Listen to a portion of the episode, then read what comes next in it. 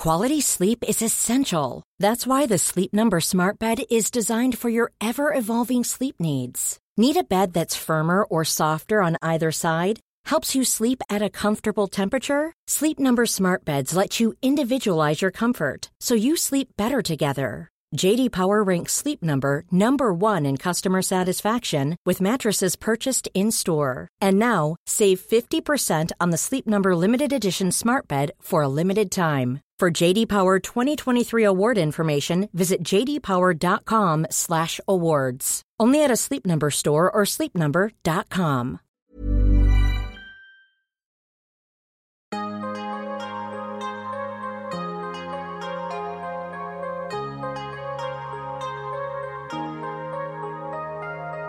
Vores mentale sundhed er nedadgående, og det er til trods for, at vi aldrig har været rigere, aldrig har haft flere muligheder og aldrig har levet længere. Det skal vi tale om. Vi skal tale om alt det, der fylder inde i os. Min erfaring er, at når vi taler højt om de ting, så opdager vi, at der er mange andre, der bøvler med de samme ting. Jeg tror på, at vi kan lære af og inspirere hinanden ved at dele vores sårbarheder, erfaring og viden. Velkommen til Vores Mentale Sundhed, en Mindcare Collective podcast, hvor vi taler om store og små ting, der fylder inde i relateret til mental sundhed. Jeg håber, at du vil lytte med, og at du følger med på min Mindcare Collective profil på Instagram, hvor jeg deler indhold til refleksion, motivation og inspiration. Jeg hedder Lea Helmand. I podcasten i dag har jeg besøg af Josefine Birkbøl, Josefine hun fortæller om, hvordan hun i en lang periode har haft det dårligt, primært på grund af sit arbejde. Josefine hun gik ned med stress i efteråret 2021, og har i den forbindelse også stået med angst. Og hun er stadig i en proces, hvor hun arbejder på at få det godt igen. Det her forløb, det taler vi selvfølgelig om i dag. Derudover så er Josefine en ung kvinde, der elsker fart. Så vi taler også om, hvordan det kan være svært at indstille sig på, at man skal tage det med ro, når man oprigtigt godt kan lide, at tingene de går hurtigt. Som I nok kan gætte, så er det ikke helt gratis at lave podcasts. Hvis I kan lide det, I hører i podcasten her, og gerne vil høre mere, så er I selvfølgelig altid meget velkomne til at støtte projektet ved at donere et valgfrit beløb via MobilePay til nummeret 155503. Selv en tiger gør en forskel. Velkommen til Josefine Birkbøl. Mange tak. Josefine, jeg er rigtig glad for, at du vil være med i dag i Vores Mental Sundhed. Jeg har glædet mig til at tale med dig, fordi du skal fortælle om din historie og om din erfaring med stress. Og stress, det er jo noget, der fylder mere og mere i det samfund, vi lever i i dag. Faktisk så er de her statistikker omkring stress tårnhøj og øh, ret skræmmende. Stress det kan have forskellige former og størrelser hos forskellige mennesker, men stress er i hvert fald noget, der i den grad er koblet til vores mentale sundhed og hvordan vi har det indeni. Så selvfølgelig skal vi tale om det i den her podcast. I sidste uges afsnit, der havde jeg besøg af Trine Rønnow, som er en stresslæge, hvor vi talte om stress på et lidt mere ja, overordnet eller fagligt plan. Vi var inde på Trines egen historie og personlig erfaring med stress også, men vi talte især om, hvad stress egentlig er, sådan helt biologisk om, hvorfor vi får det, altså hvad der sker i hjernen på os, når vi får det, og, og alt sådan noget. I dag så øh, er afsnittet udelukkende en personlig beretning, din personlige beretning, hvor du altså vil fortælle os om ja, din historie. Og vi skal tale om, hvad der har forårsaget stress hos dig, hvordan du oplever det, hvordan det har påvirket dit liv, og hvordan du arbejder med at komme af med det og få det bedre i dag. Og det glæder jeg mig meget til at høre om. Men Josefine, inden vi dykker ned i det, så vil jeg lige starte med kort at introducere dig. Du er 31 år, du er gift med Frederik, og sammen bor I på Østerbro. Du har en uddannelse fra KIA, Københavns Erhvervsakademi, hvor du har læst en bachelor i smykker, teknologi og business. Og du har i mange år arbejdet hos Julie Sandlav som designmanager. Og jeg tænker, kan du ikke lige sådan helt kort starte med at fortælle lytterne og mig, hvad, hvad laver man som en designmanager?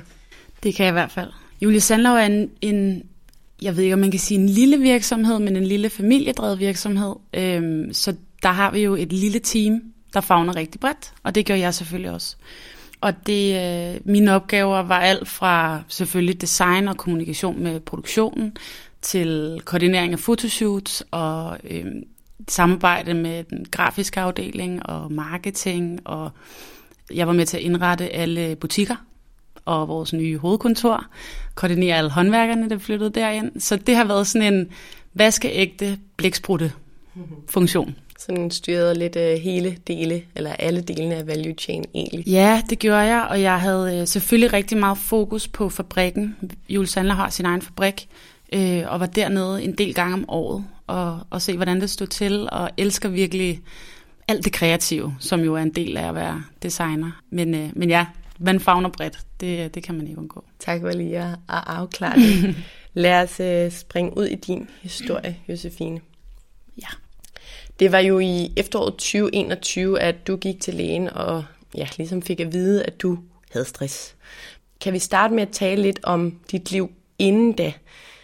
Jeg kunne godt tænke mig at høre om ja, dit liv, inden du gik til lægen og fik at vide, sort på hvidt, at du var stresset. Sådan bare i grove træk. Hvad var det for et liv, du levede? Hvad, hvad bestod din hverdag og dine weekender af?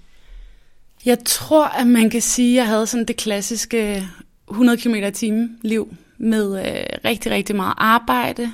Jeg elsker at, at have travlt. Nu er jeg nået til et punkt, hvor jeg ikke synes, det er særlig fedt, at man skal sige, at man har travlt i virkeligheden. Men jeg kan rigtig godt lide, at der er øh, masser af aftaler, masser af sociale arrangementer, fester i weekenderne, rejser, kreaprojekter, familie, altså virkelig bare alt, hvad jeg kunne skubbe ind i den der kalender, det kom ind. Og jeg, jeg har haft sådan en tendens til at have det lidt, lidt stramt over, ikke at have planer. Så hvis jeg havde en lørdag foran mig, som var tom, så havde det virkelig sådan, åh oh nej, hvad skal jeg så finde på at lave i morgen?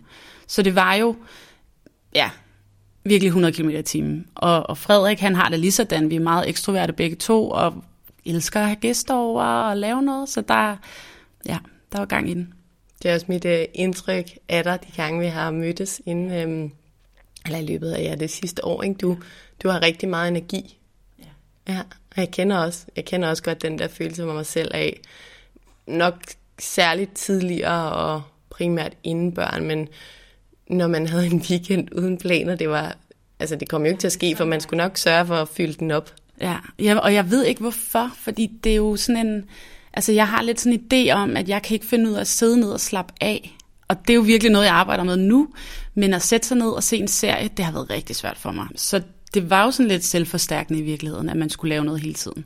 Hvorfor lige det med serien? Jeg tænker, det er der, hvor mange har en undskyldning for netop. Jeg kan ikke, jeg, synes, jeg keder mig. Jeg synes, det, jeg kan ikke koncentrere mig om det. Altså, det kan jeg virkelig ikke. Det, er, det siger mig ikke særlig meget. Og jeg tror også, jeg har sådan en ting, som mange nok i virkeligheden har med, at man gerne vil være produktiv hele tiden. Og jeg har de her 24 timer i døgnet, og jeg skal bare have max ud af dem.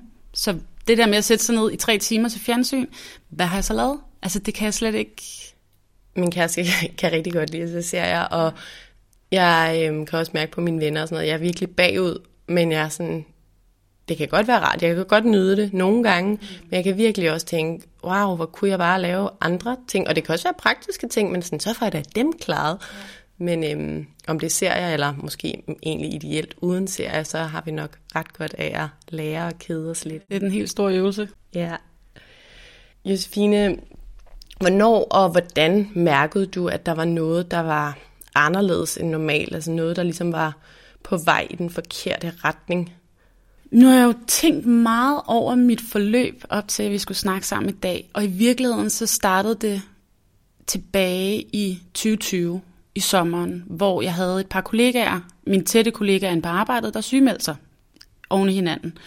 Øhm, og der sad jeg jo så tilbage og skulle overtage en masse opgaver, fordi det gjorde jeg bare. Jeg ragede det hele til mig.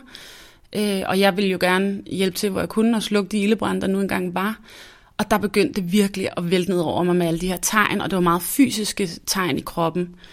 Øh, med altså, smerter eller følelsesløshed i armene, og susen for ørerne, og synsforstyrrelser, og jeg havde det lidt som om, jeg sådan havde jetlag hele tiden. Og der gik jeg så til lægen, fordi det, det skræmte mig ret meget. Hele min sommerferie blev skubbet, fordi nu var jeg nødt til at tage over på en masse projekter, så der var ikke noget fritid på en eller anden måde. Jeg kunne ikke slappe af, og jeg kunne ikke nå at sådan trække vejret ned i maven. Og der gik jeg til lægen der i sommeren 2020, og der sagde lægen, at øhm, hun synes, jeg skulle sygemelde mig. Og det havde jeg ikke tænkt mig, fordi jeg er ikke typen, der bliver stresset. Og jeg skulle i hvert fald ikke give op. Det var lidt den følelse, jeg havde af, at det var, en, sådan, det var et tab og et nederlag, hvis man skulle sygemelde sig. Så, øhm, Må jeg ikke lige høre lidt om det? Hvor, hvorfor? Jeg ved det ikke, for det er jo dybt åndssvagt, for jeg sidder jo ikke og tænker om de kollegaer, der havde sygemeldt sig, at de var nogle tabere, eller sikkert et nederlag, og hvordan kan du? Jeg synes jo, det var synd, at man når der til, og, og super godt, at man lytter efter, men det gjorde jeg ikke over for mig selv. Altså, det var sådan en, en eller anden løftet pegefinger, jeg hele tiden skulle have i min egen retning af, nu skulle du lige tage dig sammen, og så hårdt er det heller ikke, og hvad har du egentlig at være stresset over? Så det var også noget med, at jeg kunne ikke mærke efter i virkeligheden. Men når du kunne se, at andre gik ned med stress, mm. og jeg skal starte med at sige, at jeg kan virkelig godt forstå, hvordan du havde det, og jeg tror langt hen ad vejen, jeg vil have det på, på samme måde. Men når nu vi taler om det, og du har været der, hvad gjorde, når, når de andre gik ned med stress, og du, og du havde de her fysiske tegn, at du ikke øhm, måske tænkte over at sige, for eksempel til din arbejdsgiver, jeg har for meget? Jeg ved det, altså jeg, jeg, jeg sagde det også flere gange, men på det tidspunkt, der tænkte jeg, så svært kan det ikke være. Altså, jeg, jeg skubbede det foran mig. Ej, men vi giver den lige. Nu har vi de her events og nogle lanceringer. Det tager jeg lige over på. Så kan jeg trække vejret bagefter. Og det var den der hele tiden med at skubbe læsset foran sig. Så aftalte jeg med min læge dengang, at øh, jeg ville begynde til en psykolog, som kunne ligesom hjælpe mig i gang med at og, ja, give mig nogle værktøjer til, hvordan jeg kunne komme igennem uden sygemelding. Øhm, og hun sagde dengang med løftet pegefinger, at jeg skulle bare vide, hvis ikke jeg kunne tage ansvar for selv at sygemelde mig, hvis hun synes det var nødvendigt, så kunne hun gøre det på min vegne. Så det var sådan en, okay, fint nok, jeg skal nok klare den. Så kommer jeg til psykolog der, og, og jeg tror, det vi kom frem til, min arbejdsgiver og mig, det var, at jeg tager lige en fridag om ugen i fem uger, så kan jeg lige trække vejret hver fredag eller mandag, eller hvad det var, og så må jeg have det godt igen, og så løber jeg bare videre. Så det var der, det startede. Øhm, men så skubbede jeg det jo foran mig i et år. Der ud af. Og det var hele tiden den der med, jeg skal bare lige, hvis nu jeg lige får det her næste shoot overstået, eller jeg kan jo ikke gå nu, for hvad, hvem, hvem skal tage det, jeg sidder med? Hvem skal tage over på de her opgaver, vi er i gang med, eller den her kollektion? Det kan jeg ikke. Jeg kunne ikke lægge ansvaret fra mig. Altså, det, det, kunne, det kunne ikke lade sig gøre op i mit hoved. Der var ikke så meget at diskutere. Jeg kommer lidt til at tænke på sådan magten af, og måske mest af alt vigtigheden af det der med nuet, ikke? fordi jeg tror rigtig mange af os har den der tendens med, om lige om lidt kan vi slappe af, eller når vi når dertil, er det godt, om det så er med succes, eller at man skal nå en masse opgaver. Men hvis vi reelt ikke har det godt mm. lige nu, så er det nok en, en alarmklokke. Ikke? Mm. Jeg synes, en anden ting, der er positiv ved din historie, det er faktisk din læge. Jeg kan huske, at jeg, øhm, jeg nævner også i det indledende afsnit til den her podcast, at jeg i sommeren, det var sommeren 20, nu bliver jeg lige i tvivl, det var i sommeren 21, hvor jeg også fik det mærkeligt. Øhm, jeg fik virkelig en slem hovedpine, og jeg var sindssygt grødlabil, og jeg tabte mit hår på en mærkelig måde. Og faktisk et halvt år inden det, faktisk lidt mere end et halvt år inden det, der havde været en periode, jeg var på barsel, hvor jeg egentlig havde det ret godt. Men lige pludselig begyndte mit hjerte bare at galopere på sådan en mærkelig måde, og jeg fik virkelig meget hovedpine. Øhm, og det har jeg aldrig haft. Jeg har aldrig døjet med hovedpine. Og der skrev jeg til min læge, og jeg kan huske, jeg fik, og jeg har den samme indstilling som dig. Jeg går ikke ned med stress, eller jeg vil ikke sige det, hvis jeg ikke tænkte, det var noget. Og jeg fik nemlig et svar sådan, du har født for ikke så lang tid siden, du sover sikkert ikke så godt, og den der, ikke? Og jeg kan bare huske, at jeg tænkte, hvor er det ufedt. Altså egentlig, hvis, hvis det er alvorligt, og nu skal jeg ikke kunne sige, hvad der var hvad, men, men det blev bare ikke taget alvorligt, hvor det er da fantastisk med en læge som din, der faktisk ja, tager det alvorligt. Det er det, og det er super nødvendigt, når man står og ikke selv kan tage ansvar for sig selv, for det er jo det, det, er jo det der sker. Altså, man, ikke, man griber ikke sig selv. Mm. Så det er, øh, det tænker, det tænker jeg tilbage på, og jeg var sådan, gud ja, jeg havde faktisk glemt det. At hun stod der og virkelig prøvede at få mig til at indse realiteten. Ja. Den her podcast den handler jo om mental sundhed og om det, der fylder inde i os, som man ikke altid kan se. Nu øhm, fortæller du om, om nogle fysiske ting, der, der påvirkede dig i den her periode. Kan du ikke fortælle lidt om, hvordan det påvirkede din, din dagligdag og din sådan glæde i livet helt generelt i den her periode, hvor du havde det dårligt? Jo, altså jeg havde jo, man kan sige, jeg tror det var sådan slutspurten sidste sommer, hvor jeg virkelig har tonset ud af et år yderligere, end hvad jeg burde. Der, øh, der begyndte virkelig at blive... Altså jeg har, det er vigtigt at nævne, at i det seneste år har jeg været igennem to operationer i skulderen. Øh, og jeg tror også, den skade, som jeg fik, blussede op på grund af min stress. Fordi det var lige oven i, at jeg sad der hos lægen, og jeg begyndte at forholde i nakken, og jeg, jeg fik, altså jeg havde virkelig mange smerter, og kommer så til en kirurg, bliver opereret, får en frossen skulder, bliver opereret igen. Så mit liv var jo selvfølgelig super præget af kroniske smerter, og alle mulige mærkelige former for behandlinger, fysioterapi, jeg har været til alt, af, af akupunktur og kryo, kulde, behandlinger osv. Og jeg tror, når man har rigtig mange smerter, så bliver man også virkelig kognitivt øh, belastet. Altså, man er ikke sig selv. Så jeg havde en periode, hvor jeg også følte, at jeg var super ved siden af mig selv på arbejdet, og jeg havde faktisk rigtig dårligt samvittighed over for alle mine kollegaer, fordi jeg tænkte, at jeg er sådan en, der går og snærer af folk lige pludselig, og jeg sagde det også i åben forum, jeg sagde, venner, I bliver nødt til at sige til, hvis jeg er strid, fordi jeg er mega presset. Jeg er presset på arbejdet, jeg er presset over mine smerter, jeg er bare presset. Ej, det gør du slet ikke. Og jeg havde virkelig, jeg tror, jeg havde en anden opfattelse af mig selv, mm. end, end hvad virkeligheden var.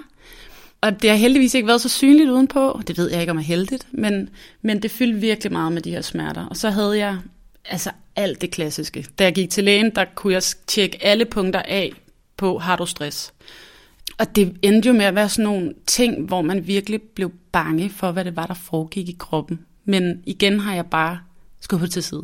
Hvad var det for nogle ting, for eksempel? Men også, som du nævner, voldsom hjertebanken. Jeg havde, jeg havde super ondt, sådan trykken i brystet. Jeg havde øh, flimmer for øjnene. Jeg havde en dag, hvor jeg kom på arbejde. Jeg havde skulle, min veninde skulle føde, og jeg, vi skulle øh, hjem og passe hendes ældste dreng imens. Og det var så tidligt om morgenen, og afsted med dem, og ham i vuggestue, og hen på arbejde, og så kom jeg lidt for sent på arbejde, og på vej derhen, der tog jeg så bussen, der kunne jeg nærmest ikke se noget. Min, jeg så helt sløret, som om jeg havde lige pludselig fået minus 4 i, i styrke i øjnene. Og det var bare sådan en, hvad foregår der? Altså jeg havde det som om, jeg lige var landet med et fly fra Australien, og var helt omvendt af resten af verden.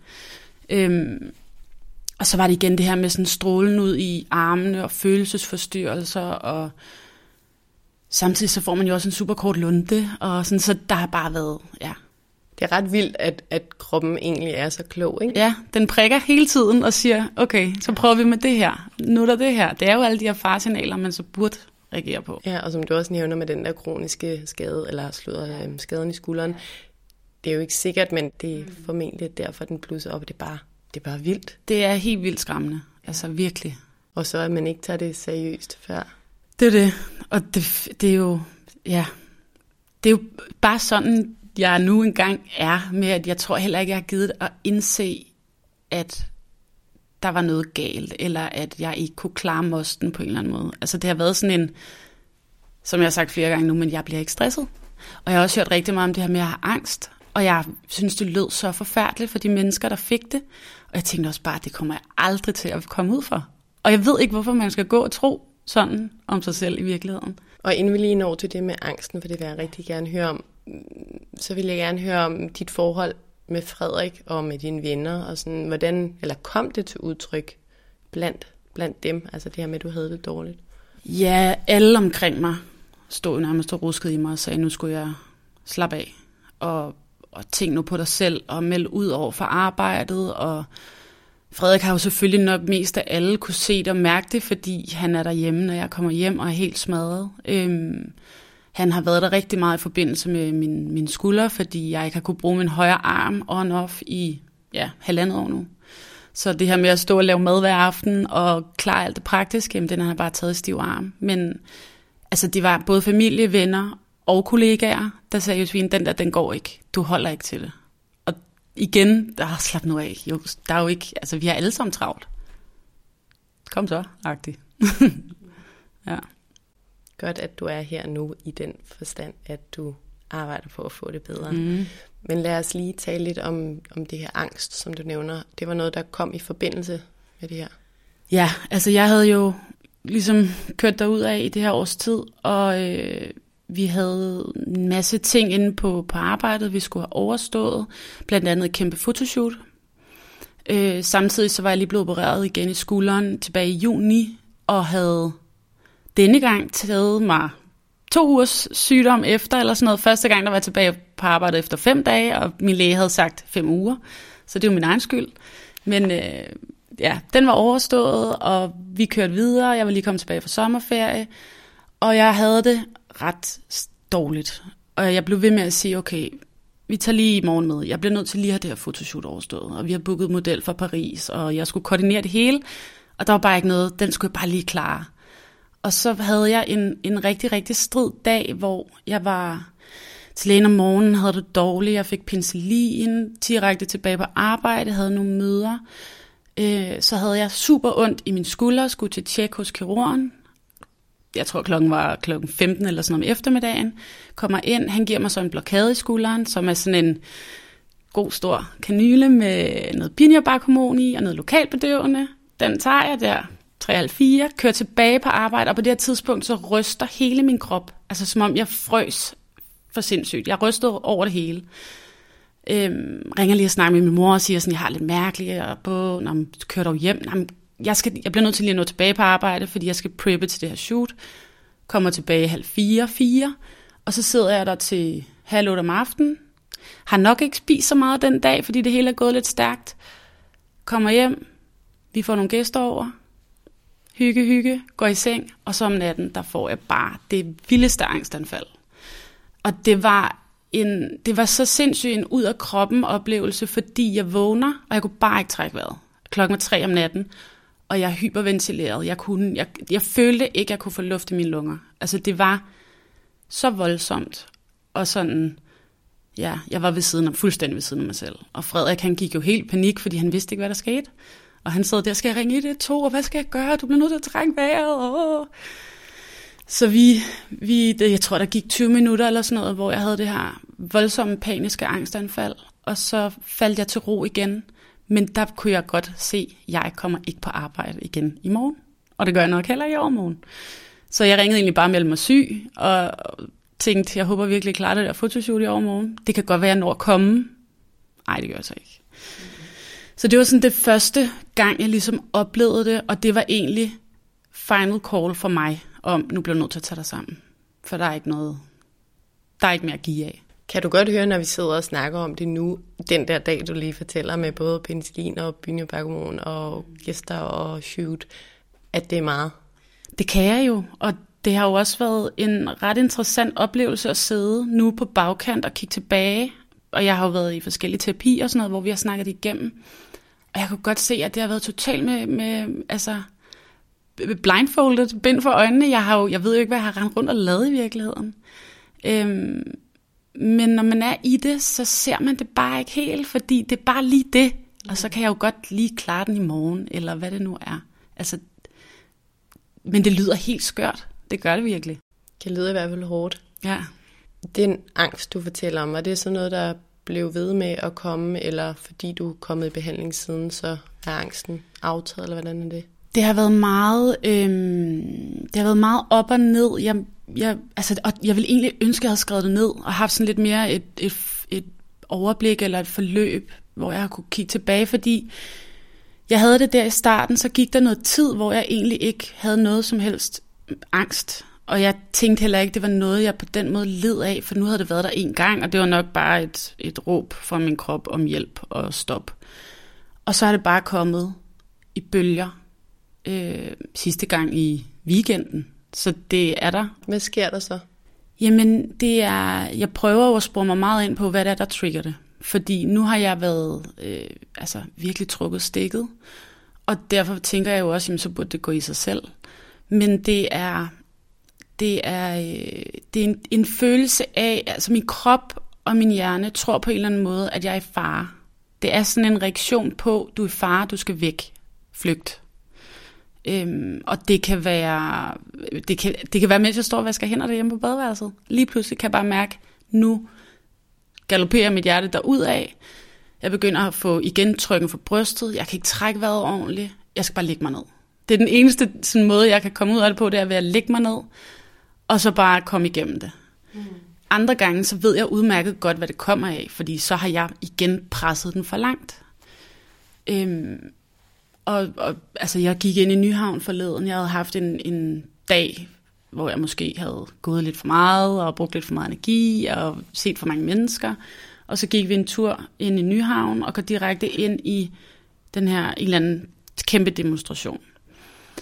Og det der larm og øh, romerlys og maskerede mennesker, det var bare en, en ting, jeg slet ikke kunne håndtere foran mig. Så vi drejer af, så går de efter os. Så vi havde bare den der demonstration efter os rundt ind i byen. Og så er det ligesom om, man får sådan en... Det er sådan lidt en, en ja, hjelm på, hvor du, man kan slet ikke overskue at være nogen steder. Alle ansigter, du kigger på, er nærmest forstørret. Jeg får følelsen af, at jeg er i en eller anden film, og jeg skal bare væk. Og så er det noget med at finde en port, jeg kan gå ind i, eller et eller andet, for jeg kan bare mærke, at nu knækker filmen igen. Øh, og så, altså, så begynder tårne bare at, styrte ud af øjnene, og så er det noget med at finde et, et helle, hvor man kan sætte sig og trække vejret og komme igennem det. Mm. Så det er, en, det er en virkelig ubehagelig følelse af mangel på kontrol i sådan en situation, fordi det kan komme alle steder. Ja, jeg tænker, i dag er der, skal der nok mindre til, end der skulle dengang du, det kun lige var ved at starte alt det her. Jeg vil rigtig gerne tale mere om, hvor du er i dag, og hvad du gør, og hvordan du har det, men lige inden vi hopper det til det, så vil jeg gerne høre, da du ligesom sort på hvidt for at vide, at du er stresset alene. Hvad sidder du tilbage med af følelser der? Er det... Jeg gik jo til lægen dagen efter, for jeg kunne godt se, nu, nu bliver jeg nødt til at få en, en professionel ind over øhm, der havde jeg en helt anden følelse af, selvfølgelig er jeg stresset. Jeg er ikke i tvivl længere, og det er heller ikke noget, jeg kan benægte mere. Jeg bliver nødt til at tage mig af mig selv. Og der var hun, det var så en anden læge, men hun var super sød og virkelig omsorgsfuld. Og, og kunne, altså, første gang jeg kom derind, der sad jeg bare og græd. Jeg tror, jeg græd en halv time. Jeg kunne slet ikke snakke. Jeg var helt knækket.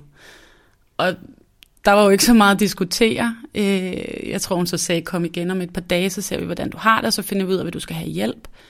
Start med at sygemelde dig ugen ud, og så finder vi ud af det.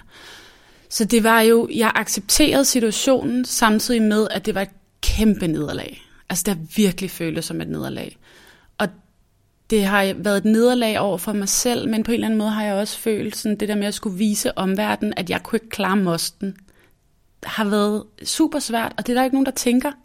Men det er mine egne forventninger til, hvad jeg skal kunne præstere, hvad jeg skal kunne holde til, som ikke blev opfyldt. Men det er du jo bestemt ikke ene om at have det sådan, og det er også, ja, det kobler jo også til hele formålet for den her podcast, ikke? Lad os tale højere om de ting, og, og man kan jo se flere og flere nu, der er både på LinkedIn og politikere og direktører og ja, så videre, der fortæller om de her ting, så det er jo desværre ikke så unormalt i det her samfund, vi, vi lever i. Nej. Forhåbentlig kan, kan vi få det bedre.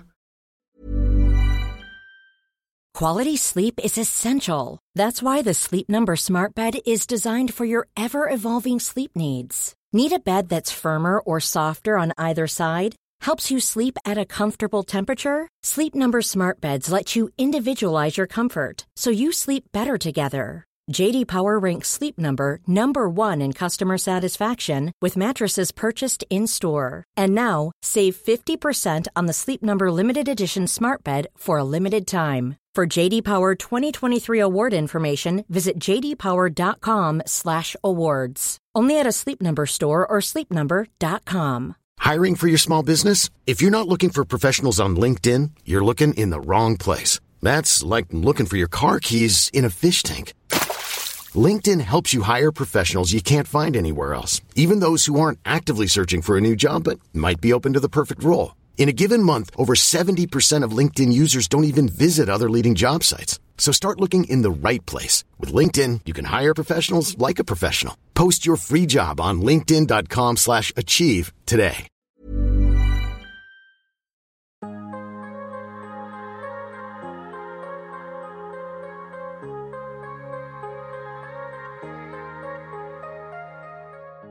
Du var lidt inde på det her med, at der er, kan være nogle ting, der trigger det i dag.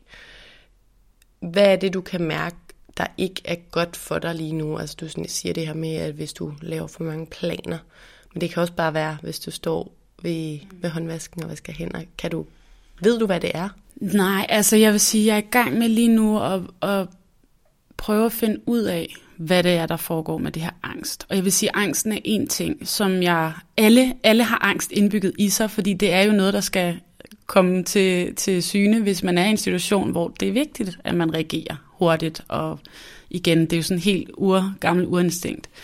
Så angsten, den arbejder jeg på. Øhm, jeg tror, det, der har været rigtig svært for mig i hele den her situation, det er, at det er alt det, jeg godt kunne lide med at have en masse aftaler, se en masse mennesker, tage ud, rejse. Nu har corona heldigvis lagt lidt en dæmper på meget af det.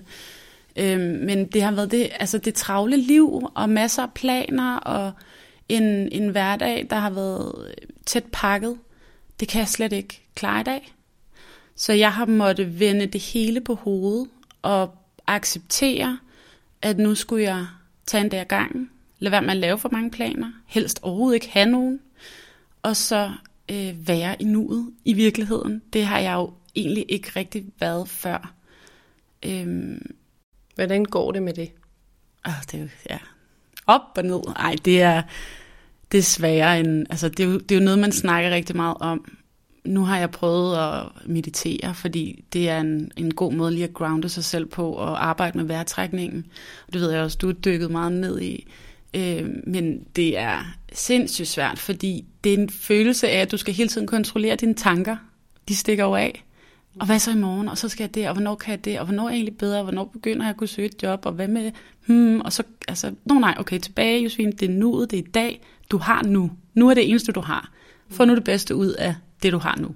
Det er meget sjovt, at meditation og mindfulness har den der vibe eller sådan en association med røgelse og stillstand, og det er det jo også på mange måder, men det, jeg synes bare, du siger det rigtig fint, det der med, det er virkelig hårdt arbejde. Men det er det. Når jeg ligger der, er det sådan, ej, hvor er det hårdt, og ikke Altså at sørge for, at mine tanker ikke løber hen til praktiske ting, eller uh, den der mail, jeg skal skrive, eller uh, det der vil også være godt og relevant i en post, lad mig lige, altså, eller den der person, der er spændende at snakke med. Altså. Og det er jo, alle kender det, og det er også den der klokken 3 om natten, sådan, hvorfor er det nu, alle mine tanker bare skal fyre, fyre den af, jeg har brug for at sove. Øhm, ja, så det er, det er noget, jeg arbejder rigtig meget på, men, men desværre har helt klart været at vende alt på hovedet i mit liv, i forhold til, hvordan det var før. Mm at tage det med ro. Du nævner nu, at øh, ja, tage det med ro og meditation og sådan, men hvis du kigger på det her halve år, hvor det jo har stået på, eller siden det, det sådan ligesom blev konstateret, hvad, hvad er så det, der har hjulpet dig mest? Du nævnte også nogle terapiforløb og sådan noget. Hvad... Det, der har hjulpet mig mest, har været, jeg vil sige, det første, jeg gjorde, nu er jeg igen rigtig dårlig til at slappe af. Og jeg fik jo lidt en idé i hovedet om, nu er jeg stresset, nu skal jeg slappe af. Men jeg kan ikke sidde og se en serie derhjemme. Jeg kan ikke sætte mig i sofaen og lave en kryds og tværs eller se fjernsyn. Nej, jeg, jeg er der ikke. Til gengæld så har jeg gået og gået og gået. Og, øh, og det er ligesom, når jeg er ude og får noget luft og er i naturen, eller den natur, der nu er inde i, inde i byen, rundt om søerne, eller på kastellet, eller i mit nabolag, så, så lukker min hjerne ned på en anden måde, end når jeg sidder derhjemme og kigger ind i en væg. Og jeg havde lidt sådan en, så skal jeg lære at sidde og kigge ud af vinduet med en kop kaffe. Det kan jeg ikke. Okay. Så det der med at komme ud og bevæge min krop, det genererer jo også energi og bruge energi. Og, og du, du slapper bare af på en anden måde, eller jeg gør i hvert fald, øh, ude i naturen. Podcast i ørerne, og så bare derud af. Så jeg har gået Amarminoen flere gange, og Furesøen rundt, og altså fundet sådan lidt nogle fede ruter, og så fået noget, nogle skridt i benene. Ja, den der natur kan noget. Det kan den. Jeg tog også i starten, der havde jeg jo virkelig et behov for bare at, at komme væk fra, fra mit hjem, og, eller ikke fra mit hjem, men fra, fra alt herhjemme, fordi nu skulle jeg ikke på arbejde, jeg er nødt til at slappe af.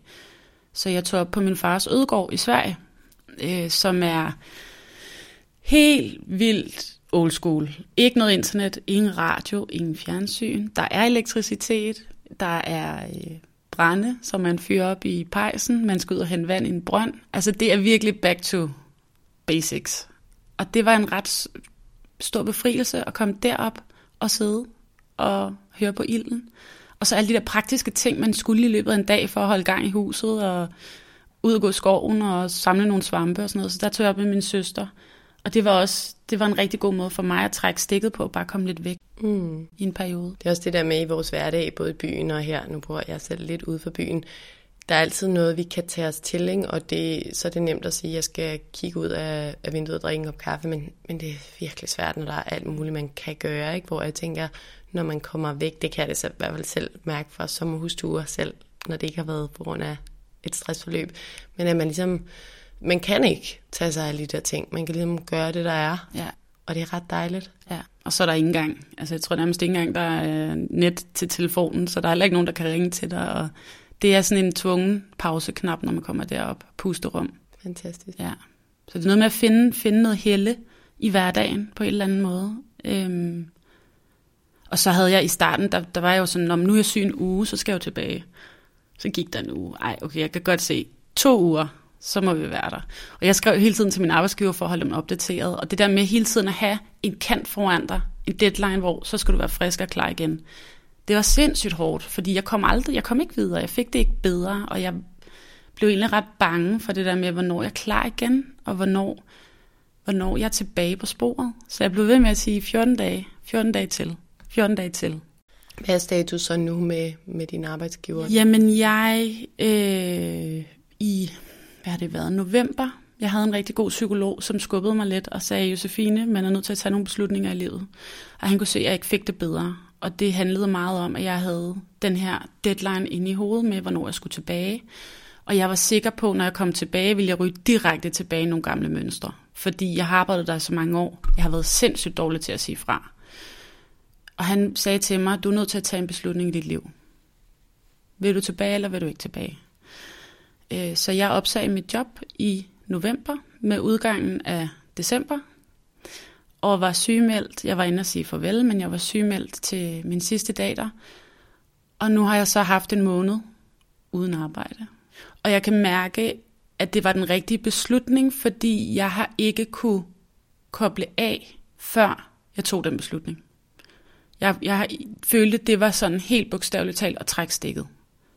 Og tage mig selv først. Og så må jeg finde ud af, hvad der så skal ske, når jeg når dertil. Hmm. Men øh, Det lød som en fornuftig beslutning. ja.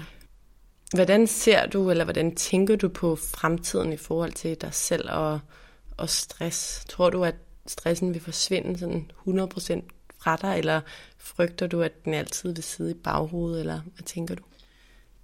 Altså nu sidder jeg stadig sådan lidt midt i orkanens øje, føler jeg, så det er jo, øh, det er ikke, jeg har ikke sådan det helt store helikopterperspektiv endnu, men jeg, jeg, jeg tror, at stress er noget, vi alle sammen selvfølgelig lever med på den ene eller den anden måde. Og det er noget, der blusser op, når man har for travlt, og det handler rigtig meget om at lytte efter og sige fra.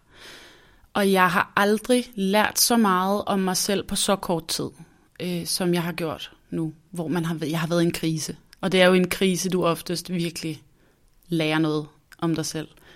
Øhm, så jeg, jeg kan godt have følelsen af, åh oh nej, hvornår jeg er ude af det her, kommer jeg nogensinde ovenpå igen? Bliver jeg nogensinde mig selv? Også fordi mit liv lige pludselig er så anderledes, end hvad det var.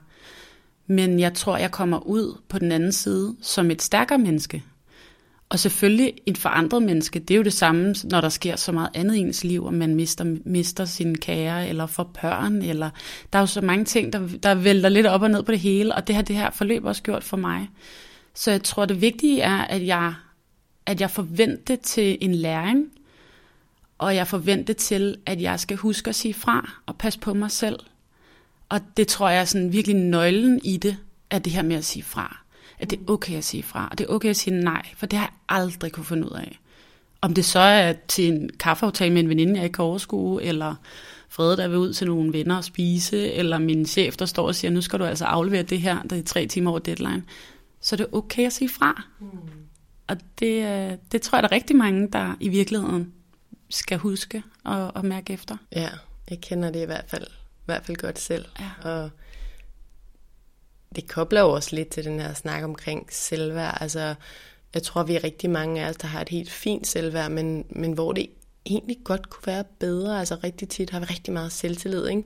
Og, Og vi har sikkert også et fint selvværd, men jeg, jeg tror, mange af os har den der overbevisning af, at, at vores handlinger og det vi gør, det vi gør på arbejdet, det vi gør for andre, det vi gør for vores venner, det vi gør for vores kærester, det er med til at definere, hvem vi er, og på en måde er det det jo også, men, men vi skal bare stole på, at vi har værdi i at, at være, som vi er, uanfægtet det, vi gør, ikke? og bare være, og være glade, og være i balance, og have det godt.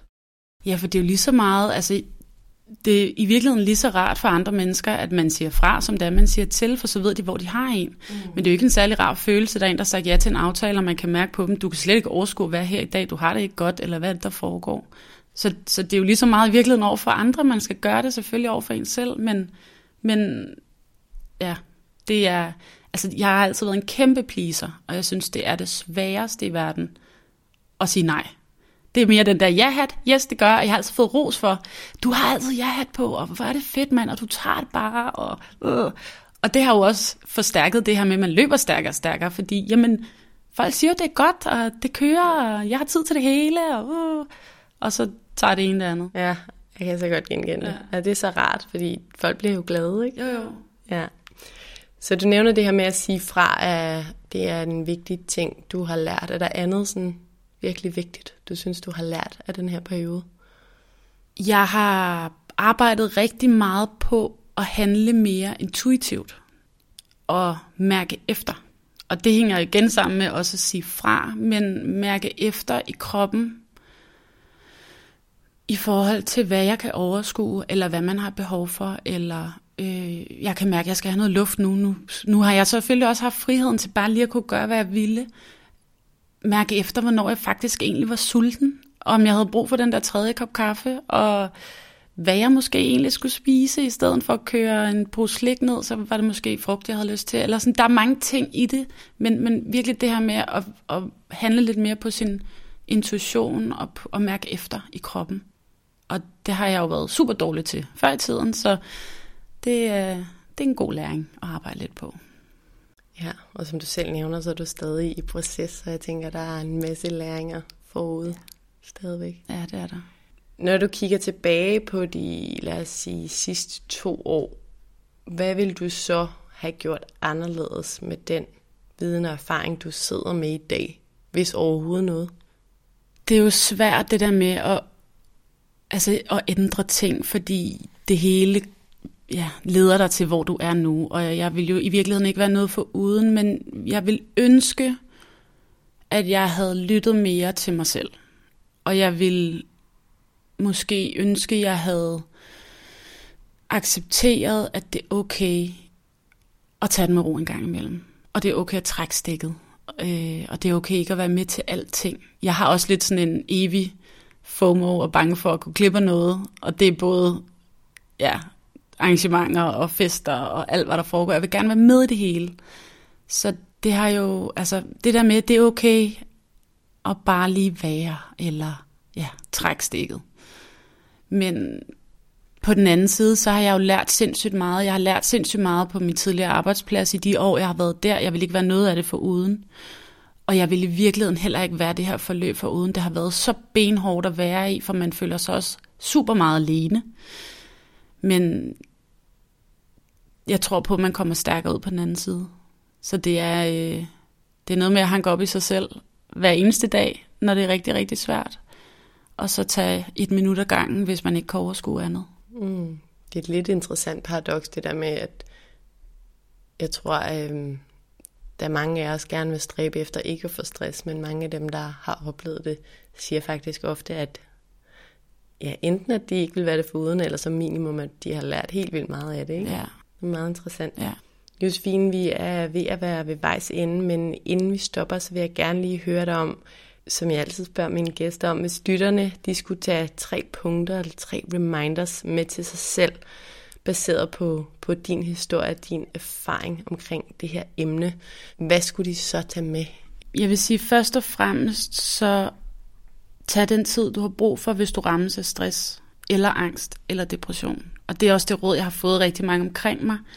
Det er, tag nu den tid, du skal bruge. Fordi nu sidder du der, og om du er syg i en måned, eller fem, eller 8. Det er lige meget. Det er så kort en tid i dit liv, eller en kort periode af dit liv, men det betyder rigtig, rigtig meget for, hvordan du kommer videre på den anden side.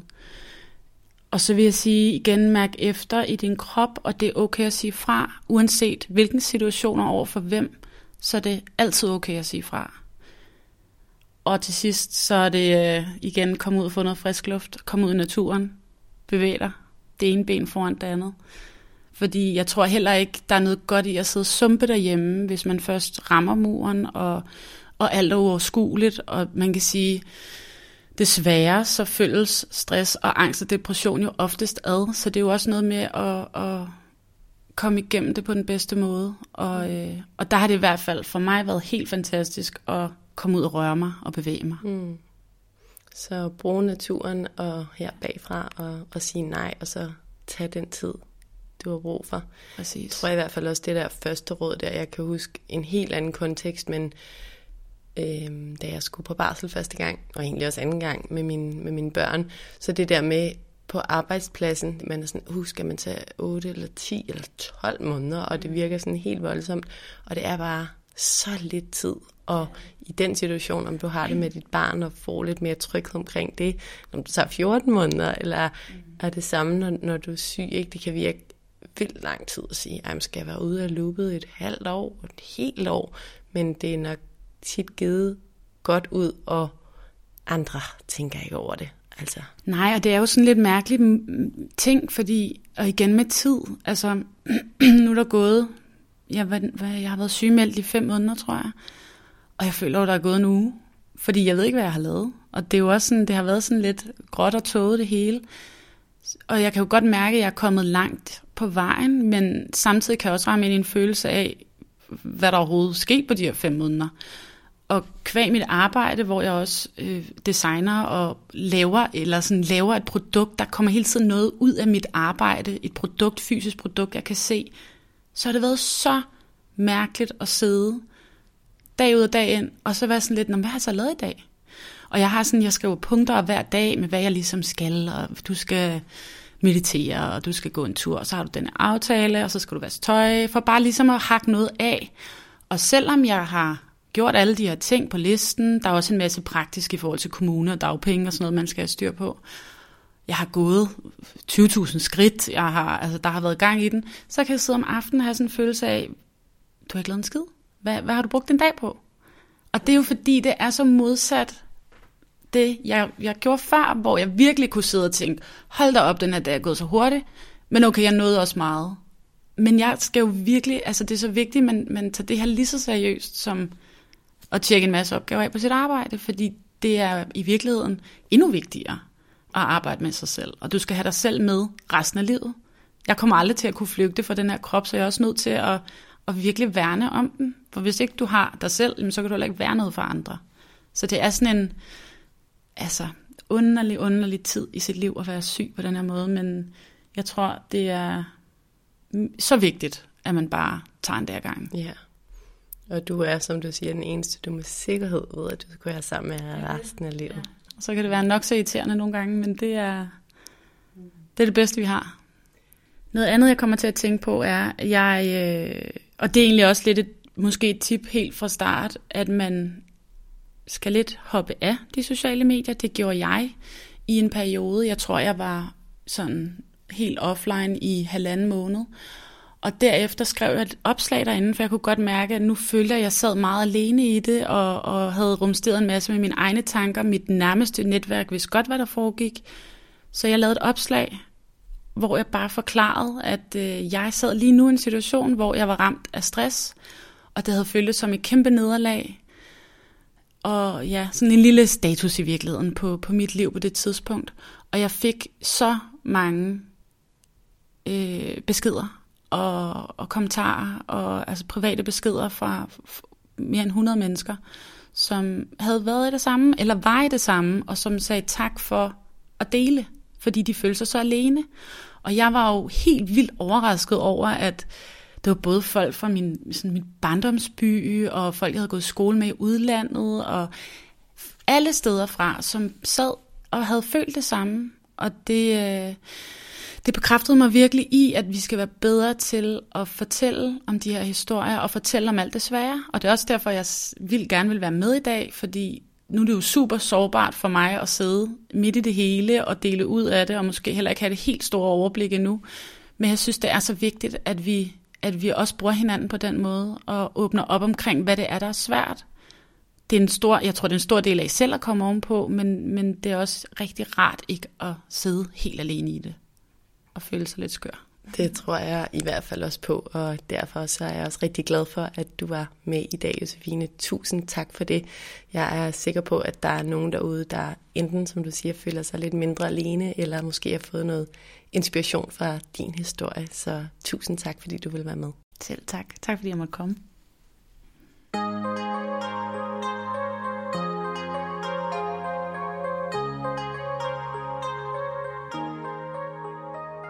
Jeg synes, at det er så vigtigt, at folk som Josefine deler deres historie, for jeg er ret overbevist om, at stress fylder inde i mange flere, end vi tror. Stress er i hvert fald en af de statistikker inden for mental sundhed, der er allerhøjest i Sundhedsstyrelsens data. De er faktisk ret skræmmende høje. Jeg synes, at det vi især kan tage med fra snakken med Josefine i dag, er, at vi skal huske at tage os selv alvorligt. Som vi også var inde på i sidste uge, hvor jeg talte med stresslægen Trine Rønnow, så er vi tit stresset i en lang periode, inden vi reelt går ned med stress. Så vi skal altså lære at tage os selv alvorligt og prioritere at tage det med ro lang tid før mange af os gør. Så vi undgår decideret at gå ned med stress og lade os sygemelde. For jo længere vi når ned, det sværere er det også at komme op igen. Jeg synes også, at Josefines point om, at det kan være svært at stoppe op og hvile, når vi bliver rost for at kan lide fart, er rigtig svært. Jeg tror, mange af os føler, at vi jo på mange måder rigtig godt kan lide at have fart på, og at eje en jahat, hvis man kan sige det sådan. Vi kan godt lide at klare tingene godt, at ordne tingene, at opnå ting, at nå ting, at sørge for ting, at være med til ting. Og det er altså et paradoks, som jeg ser det, for det kan vi godt lide, men hvis vi gør det hele tiden, uden at holde pauser, så kan det være farligt for os, for vi, vores krop og hjerne bliver udmattet til sidst.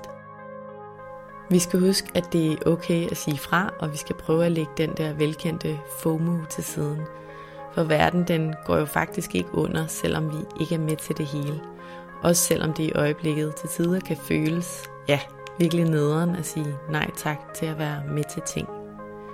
Og så vil jeg gerne lige gentage Josefines råd om at bevæge sig og bruge naturen, hvis du er nede med stress. For selvom vi selvfølgelig også skal slappe af og ligge på langs i sofaen, så har kroppen altså rigtig godt af at bevæge sig og af at få frisk luft. Og lad os så lige helt til sidst huske noget, som Josefine er inde på, som mange af jer nok ved, at jeg også prædiker på min Mindcare Collective profil på Instagram. Den eneste, du med sikkerhed skal være sammen med resten af livet, det er dig selv. Så pas på dig selv, prioriter dig selv og tag din mentale sundhed alvorligt. Tusind tak, fordi du lyttede med i dag. Hvis du kunne lide det, du hørte, så håber jeg, at du vil trykke på subscribe-knappen, så du altid ved, hvornår der udkommer et nyt afsnit. Du må også meget gerne rate podcasten her og skrive en kommentar i kommentarfeltet herunder, hvis du har noget på hjerte. Du er som nævnt også altid meget velkommen til at støtte podcasten her med et valgfrit beløb, hvis du kan lide det, du hører og gerne vil høre mere som det. Det kan du gøre via MobilePay til nummeret 155503, som du også finder i tekststykket herunder. Som det aller sidste, så vil jeg også opfordre dig til at skrive til mig, hvis der er nogle særlige emner, du rigtig gerne vil høre om i relation til mental sundhed og til det, der fylder inden i os. Enten fra et ekspertperspektiv eller igennem en personlig beretning. Skriv til mig via min Instagram-profil, Mindcare Collective, hvor jeg i øvrigt håber, at du følger med, eller skriv til mig via min hjemmeside mindcarecollective.com. Tak fordi du lyttede med.